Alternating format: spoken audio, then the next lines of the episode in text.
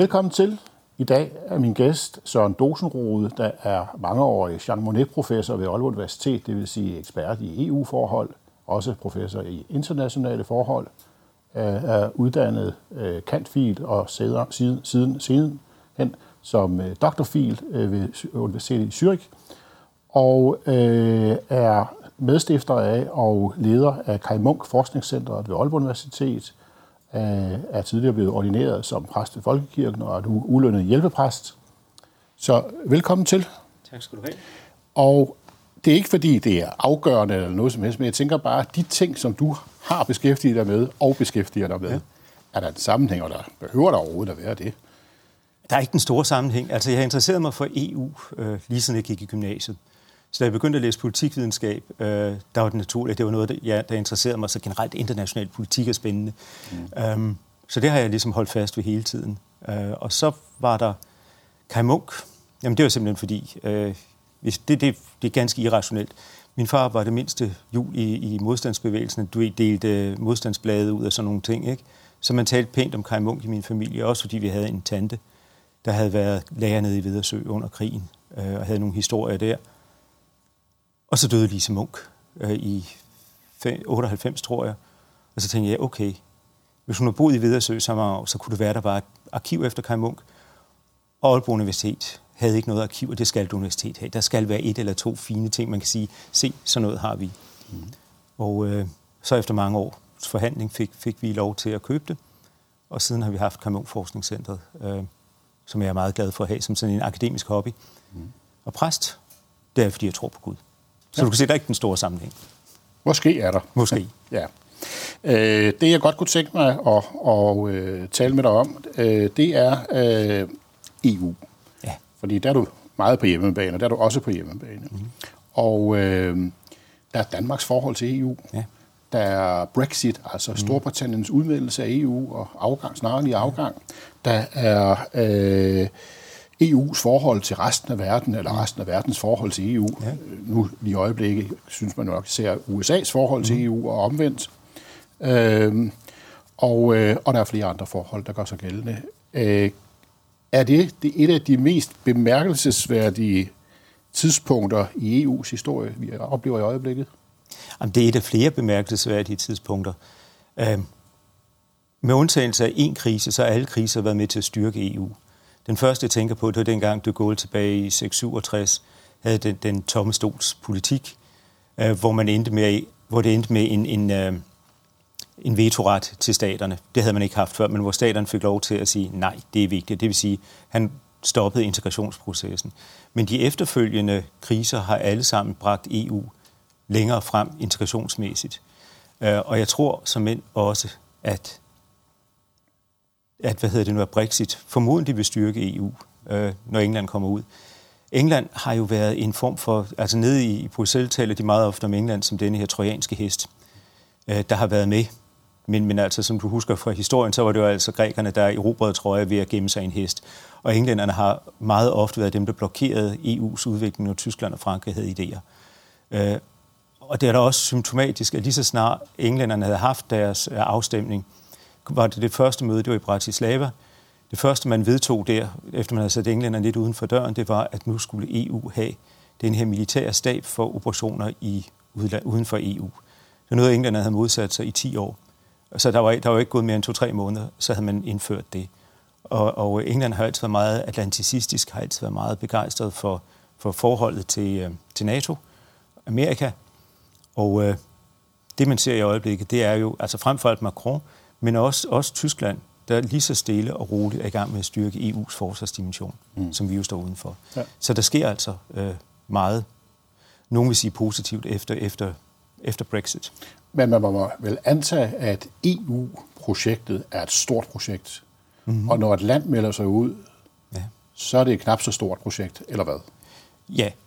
Øh, man kan måske også sige, at øh, man kan ikke sige, at England meldte sig ind under falske forudsætninger. Man kan heller ikke sige, at Danmark gjorde det, men vi meldte os ind under nogle forudsætninger, der sagde, at det her, som det ser ud for os i øjeblikket, der drejer sig om økonomi, om handel, intern handel, frihandel, punktum. Ikke? Det, var, det var sådan, EU så ud i slutningen af 60'erne og begyndelsen af 70'erne.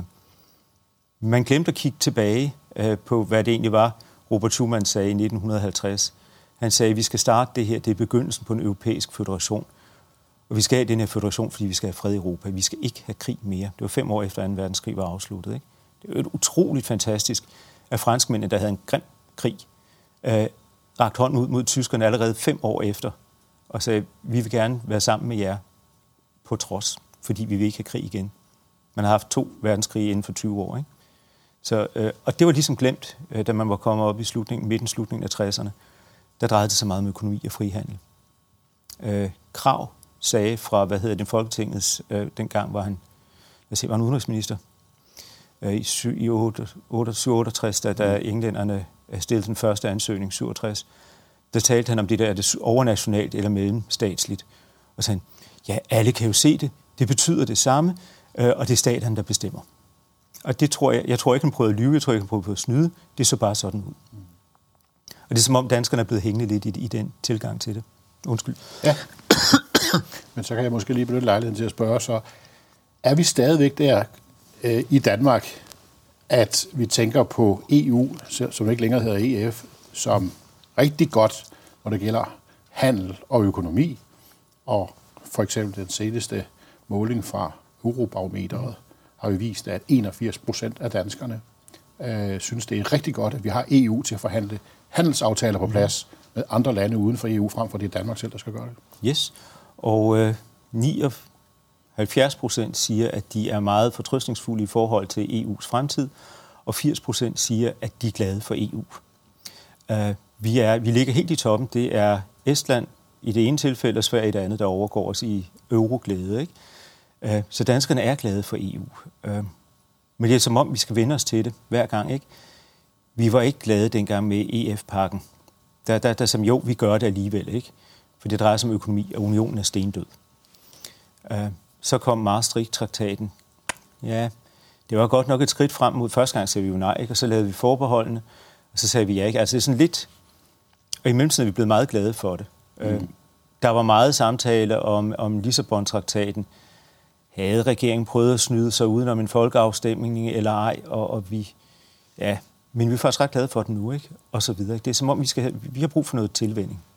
Man kan også vente om at sige, at danskerne faktisk bliver spurgt og engagerer sig i det, hvorimod mange andre befolkninger ikke bliver spurgt om ret meget. Men alligevel har vi stadigvæk forbehold over for nogle elementer ja. i, i, i ved det, Europa, den europæiske ja. union. Mm-hmm. Øh, tror du på sigt, at de forsvinder? Du må ikke spørge en, en ydmyg chamonix-professor om at kigge ud i fremtiden. Men, men altså, jeg kan bare se, at nuværende regering, der er de i hvert fald ikke på dagsordenen. Mm. Uh, Helle thorning Schmidt vil gerne have dem væk. Uh, Lars Løkke Rasmussen vil gerne have dem væk. Uh, Anders Fogh vil også gerne have dem væk. Men lige nu står det i hvert fald ikke lige for. Mm. Og man kan også sige det, altså det der formodentlig for nogle politikere er ærgerligt, det er jo, at hvor foregår udviklingen i EU? Det er blandt andet, altså hvor er udfordringen? Det, det, det er forsvar, og det er migration, og det er økonomi. Og vi står udenfor på grund af forbeholdene. Så, så Danmark kan ikke gøre sin stemme gældende. Og det er jo sjovt nok, fordi når man siger, at danskerne kan ikke gøre sin stemme gældende, er omkring igen de her par 80 procent af danskerne, der siger, ja, min stemme tæller i EU. Det er faktisk ret utroligt, ikke? Mm. Øhm, så, så ja.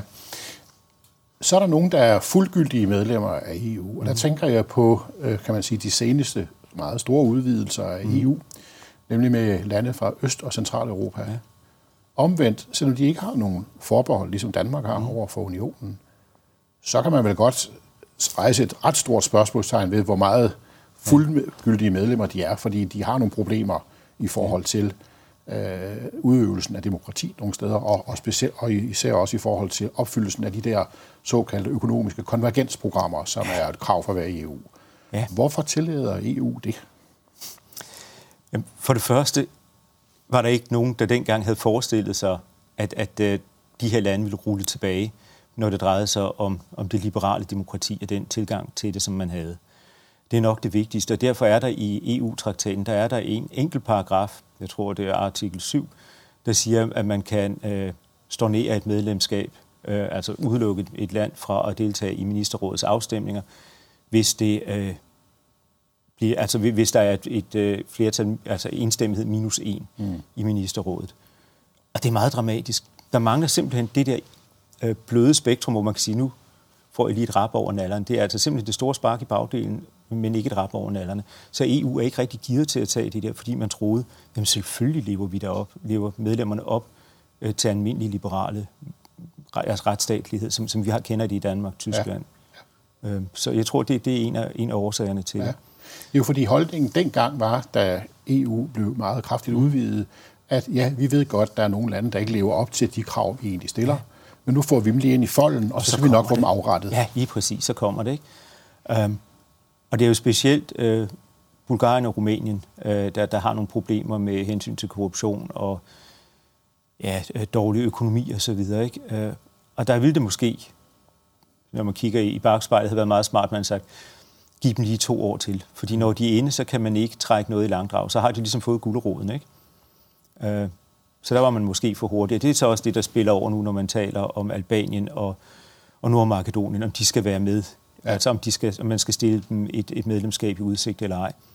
Og hvor Danmark med Mette Frederiksen var med i den der gruppe på fire, fire lande, tror jeg det var, der sagde nej, ikke lige nu. Og det er der så mange, der siger, måske er en gigantisk fejltagelse. Ungarn har også nogle problemer. Ungarn mm. har lidt problemer, eller det var næsten en underdrivelse, ikke? Ja. Altså, har problemer ja. med, kan vi sige, demokratiske rettigheder ja. i landet, hvor du siger, at de har rullet det tilbage, kan man næsten sige, ja. ikke, i forhold til, at de kom ind. Øh, hvad skal der egentlig til, for at man bliver smidt ud af EU? For først, man kan ikke blive smidt ud. Det, det er det ene, men man kan få uh, indfrosset sin rettighed til at, at være med i, i beslutningsprocesserne. Man kan simpelthen... Uh, alle lande har jo ret til at stemme, når de sidder i ministerrådet, har et antal stemmer. Og der kan et lands stemmeret simpelthen blive frataget det. Øhm, og det er som sagt alle, der skal, altså, man for det første skal, undskyld, for det første så skal Europaparlamentet være for det. De er ene over det. Det mener de allerede nu, man skal, ikke? Mm. Øh, og ellers så skal det være samtlige medlemmer minus et, altså enstemmighed i, i hvad hedder det nu, Europarådet, det europæiske råd, der er det højeste, øh, der skal hvad hedder nu, beslutte, beslutte det. Mm. Og allerede nu har Polen jo sagt, at de ikke vil tillade det i forhold til Ungarn, og Ungarn har sagt, at de ikke vil øh, tillade det i forhold til Polen så den er blokeret. Så der har du to lande, der ikke spiller efter demokrat, eller ikke efter liberalt-demokratiske regler, som har lovet hinanden, vi skal nok hjælpe jer, så det mm. sker ikke. Og det er selvfølgelig et problem. Ja. Men, øh, og det er vel også et problem for, man kan sige, visionen for det, altså mm. at skabe en union, og ikke bare et fælles marked, mm. der handler ja. om flæskepriser og så videre, som det blev sagt i gamle dage. Ja. Øh, at der er nogen, der øh, umiddelbart har svært ved at leve op til det, men formentlig også vil være det på sigt. Ja. Og man kan jo ikke lade være med at tænke på, om de øh, er, er gået med i EU i virkeligheden er andre årsager end unionstanken, men mm. simpelthen det at få, kan man sige, en del af den europæiske kage. Ja. Og det tror jeg simpelthen, øh, ja, nu skal jeg passe på, hvad jeg siger. Jeg skulle lige til at sige ja, men jeg tror faktisk, at den polske regering, da de søgte om medlemskab, der var de jo øh, orienteret mod de, de, det, vi kan kalde de vestlige liberale værdier. Ikke? og det var Ungarn også. Men så er der altså sket, at der, der sker jo ting i demokratier, altså folk vælger, og det kan vi jo godt lide, og så har de valgt nogen, der bare ikke er så begejstrede for det. Ikke? Og der har Europa virkelig et gedigent problem, for mm. hvad gør man med det? Ikke? Ja. Og, og der står den i øjeblikket. Ja. Hvis vi lige kigger på Europa, altså her defineret som EU først og fremmest, i forhold til andre steder, og nu tænker jeg lige i første omgang på USA, mm-hmm. fordi der sker jo mange og meget i USA. Øh, og, selvom, øh, og, og det kan man i hvert fald tage med i sine betragtninger mm. omkring, hvordan, hvordan ser du forholdet mellem EU, Europa og USA? Er det værre nogensinde, eller hvad tænker du? Det er i hvert fald ikke godt. Nej. Øh, så langt kan vi sige det, ikke? Uh, og det, og det skaber også reaktioner i Europa. Altså, Trump har jo truet med, med straffetol og handelskrig osv. Heldigvis er han jo optaget med Kina, men det ser ud som om, den er ved at falde på plads nu, og så kan han jo vende sig til os igen. Ikke? Så vi har fra, vi, vi plejer jo at være vant til at have en, en fast, lojal allieret. USA har været medvirkende til, at vi har EU, EF, EU i dag. Det var dem, der startede skubbet på i begyndelsen. Uh, det var, sådan har vi været vant til, at de har støttet os uh, og støttet vores idéer, til nu pludselig at, at se os som, uh, ja, ikke fjende, men i hvert fald, vi kan være venner, hvis vi betaler for det. Ikke? Mm. Uh, så så det, er, det er et problem. Uh, og reaktionen fra Europas side har jo selvfølgelig været, at jeg mener, vi er, Europa er handelsmæssigt øh, sidder vi jo på 45 procent af verdenshandlen. Så vi, det er jo ikke sådan en lille, det er jo ikke en, en, en mikrostat, som, som Trump er op imod, men faktisk nogen, der handler mere, end, end han selv gør. Ikke? Øh, den europæiske økonomi er den næststørste i verden. så kommer den kinesiske, og så er der et godt spring ned til den japanske og den, den russiske. Mm. Så, så Europa er, når vi står samlet, stærke. Og det passer meget fint med den eurobarometer, du lige fortalte om. Ikke? Ja. Danmark vil ikke have en chance alene. Øh, mm. Så, okay. så, så lige netop her, ikke? Der, der er problemer, og så er der sikkerhedsmæssige problemer. Øh, netop mm, det her med artikel 5, musketeriden, holder den, hvor, hvor Trump tog meget lang tid øh, før han sagde, jo, ja, den holder jo nok, og vi skal nok, måske nok komme jer til hjælp, hvis I bliver angrebet af Rusland. Og det fik jo Merkel til at sige, hmm, nu må vi jo tænke på os selv også. Og Macron til også at gøre det. Macron har jo så lavet hans uh, European Intervention Initiative, som vi ikke rigtig har et godt dansk ord for endnu, men som er en alliance af lande, der er klar til at samarbejde, om, altså militært samarbejde, øhm, til at lave både militære, det de kalder high density, altså rigtige militære operationer udenfor, men også hjælpe med at evakuere landets befolkning og, og styre kriser. Det laver han uden for EU. Det laver han uden for EU, fordi så kan Danmark være med, og så kan Storbritannien være med, og der er de lande i EU, der er modstandere af det. Altså for eksempel Polen, der ikke vil udhule NATO. De kan ikke få lov til at stoppe det. Så der sker et eller andet, og hans vision er, at det på sigt bliver en del af EU. Så han har bare startet for sig selv så er jeg nødt til at spørge, hvordan forholder det sig så netop til NATO? Altså fordi øh, der er jo også de samme udfordringer, kan man sige, i princippet. Ja. Trump siger, at det er fint nok, at vi har NATO, vi vil bare ikke betale det meste, så I skal mm. også betale i Europa, de europæiske lande, der er med. Øh, hvordan, hvordan i sådan en situation kommer NATO til at forholde sig til øh, det europæiske forsvarssamarbejde, hvis vi kalder det det, ja. som ligger i EU-regi? Altså i øjeblikket, de, de vedtog en aftale i Warszawa for to år siden, Warszawa-deklarationen, hvor man siger, at de to er komplementære. De er ikke konkurrenter, men de skal støtte hinanden. Og noget af det, som Trump gerne vil have, det er jo, at EU bærer en større del af byrden. Og det gør man jo, hvis man styrker sit forsvar. Han har så formodentlig ikke forudset, at EU vil styrke forsvaret i en alliance udenfor, men, men det er jo sådan med soldater, du kan jo bare skifte der, deres mærke på skulderen, Ikke? Så står der NATO, så står der EU, så står der uh, European uh, Intervention Initiative. Ikke? Så det er jo de samme uh, soldater, og det er det samme materiel, men der kommer mere materiel. Uh, og de andre får formodentlig opbygget, det er jo det, de gerne vil have, en, en fælles strategisk uh, kultur, der gør, at jamen, altså, Macron har været helt åben om, at det her det er begyndelsen til en europæisk her. Det har vi ikke hørt så meget om herhjemme, men det er sådan set det, der er visionen. Ikke? Og hvis vi kommer til at høre mere om det herhjemme, hvad tror du så, den almindelige danske reaktion på det bliver? Det er et godt spørgsmål, ikke? I hvert fald halvdelen vil sige, at det lyder rigtig fornuftigt. Og den anden vil nok ikke være så lykkelig. Men igen, det ligger uden for EU, så det kommer ikke til at kollidere med, med vores forsvarsforbehold, så længe det bliver liggende derude, hvor det ligger. Ej, formelt set gør det jo ikke i forhold Nej. til EU, men ellers kan man jo sige, at vores opfattelse i Danmark af, at vi er med i EU, som primært er mm. for at sikre øh, handel og fri bevægelighed og den ja. slags ting. Og så er vi medlem af NATO for at sikre fred og stabilitet. Ja. Og den glider jo. Den er jo glædet over årene, ikke? fordi øh, EU startede jo, eller EF havde jo ikke nogen udenrigspolitik i den forstand. De havde udviklingsbistand, og de havde øh, handelspolitik, udenrigshandelspolitik, og ikke så meget andet. Og nu er EU med, EU med den fælles udenrigs- og sikkerhedspolitik jo øh, den største fælles referenceramme for dansk udenrigspolitik. Mm. Der er ikke noget, der er vigtigere, vel? Og der er det de lille S med sikkerhedspolitik. Den er også en del af det, ikke? Ja. Selvom vi prøver at holde os lidt udenfor, ikke? Jo. EU har udviklet sig. Ja. Og når vi provokerer danskerne, så siger jeg, at EU minder om en stat. Mm. Så... Ja. Øhm, hvis vi kigger lidt sådan lidt bredere rundt, vi var lige inde på det kort før, mm. og ser på, øh, hvordan, kan man sige, også i en kort, et kort historisk perspektiv i virkeligheden, så var de fleste vel, i hvert fald i den vestlige verden, enige om, at den liberale verdensorden, som vestlige demokratier mm. bygger på, den vandt 6-0, 6-0 endegyldigt ja. slutningen af. 20. århundrede, med først øh, at vinde over øh, fascismen og dernæst kommunismen. Ja. Men nu er situationen lidt mere nuanceret, er den ikke det? Men det har du ret i. Øh, muren faldt, og vi gik fra at have den der angst for et atomangreb mod Europa og den vestlige verden, til pludselig at sige, yes, der er en supermagt, og det er en, vi er venner med. Hvor er det dejligt. Mm. Demokrati, frihandel, alle de østeuropæiske stater, der, bliver, der kunne sparke deres diktatorer ud, ikke? og, og øh, begynde at stræbe mod netop at blive vestligt orienterede stater og demokrati og velstand og det hele. Ikke? Og hvis vi kigger os ud i verden, jamen alle de afrikanske diktaturer, de faldt jo nærmest på striber. Sådan så de i hvert fald ud en mm. kort periode. Ikke? Og så her indtil for en, jamen for en, siden de sidste 10 år, der er det begyndt at gå tilbage over hele fronten.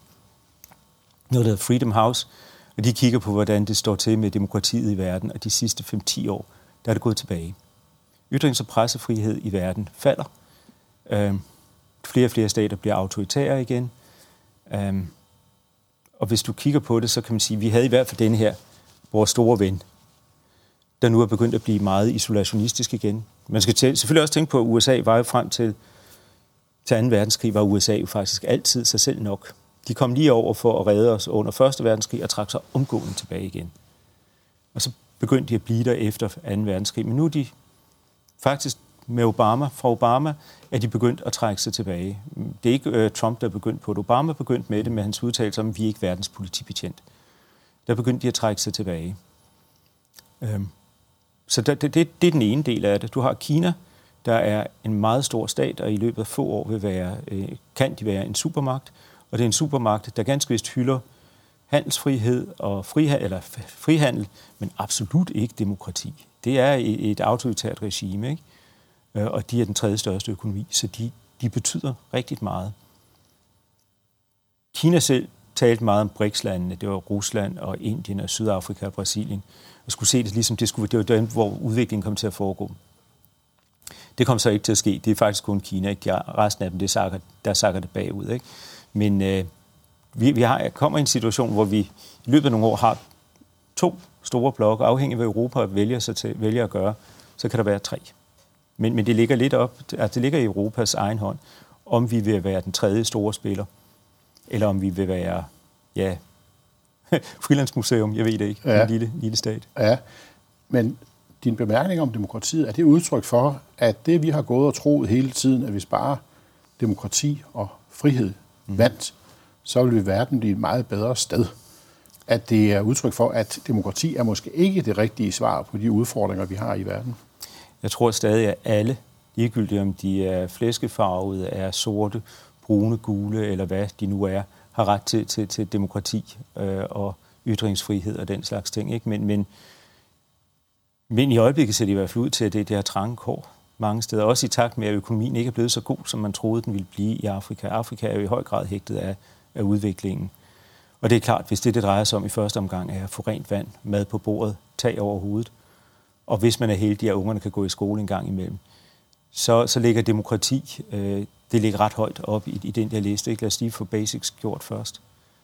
Øh, men men øh, demokrati er ikke Altså Fukuyama, der sagde, end of history. Ja. Jamen nej. Øh, vi, vi vil falde tilbage i det gamle mønster igen med, med magtbalance og, og, og den slags ting. Men er det så udtryk for, at vi skal have revitaliseret vores demokratiske styreformer? Fordi man kan jo se, at der sker mm. tilbage skridt, også i vores nære kreds. Ungarn, ja øh, Tyrkiet ja. øh, og andre steder, Polen. hvor man kan sige, at man ja. formelt set har demokrati, men hvor man jo, ja, øh, uden at sige for meget, øh, vælger nogle typer, der minder mere om diktatorer end demokrater. Ja, Jamen, jeg, jeg er helt enig med dig. Um, vi har nok gjort den fejl, at vi troede, at demokrati det var noget, der var givet. Det var ikke noget, der skulle kæmpes for, det var ikke noget, der skulle fornyes, fordi vi havde det jo. Vi havde det bedste selvfølgelig i Danmark, men, men de andre var også okay. Ikke? Og nu er det altså... Øh, nu, nu ser man faktisk, det er noget, der skal kæmpes for. Ikke? Ja. Man skal fortælle folk, man skal uddanne folk, man skal opdrage dem til at, at være demokrater. Hvorfor gør EU ikke sin øh, store opgave til at være et demokratiprojekt? Hvis du spørger EU, hvem det så end er, men hvis du spørger ned i kommissionen, så vil de sige, at det gør vi jo.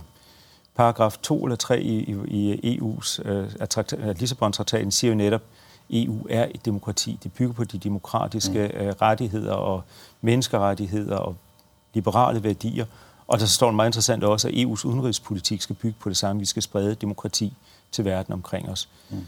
Øh, men lige så snart forestiller hvis EU begyndte at for alvor at gå ind og at definere, hvordan demokrati skulle være og forstås i Danmark, i England, ja, ja, netop i England ville det måske give god fornuft, ikke?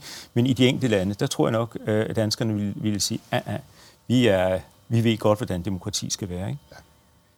Men når vi igen taler om de der lande, hvor det går galt, Østeuropa, ikke? altså Polen og Ungarn, øh, så er et af problemerne, det er jo, at demokrati til tid. Hos os der begyndte de i 1848, du kan sige, der afsluttede i 1915. Englænderne begyndte i 1832, de sluttede det i 1921, da kvinderne fik stemmeret. Franskmændene 1889 til de Gaulle's Femte republik. Polen, de havde demokrati i tre år, øh, fra de blev selvstændige i 19.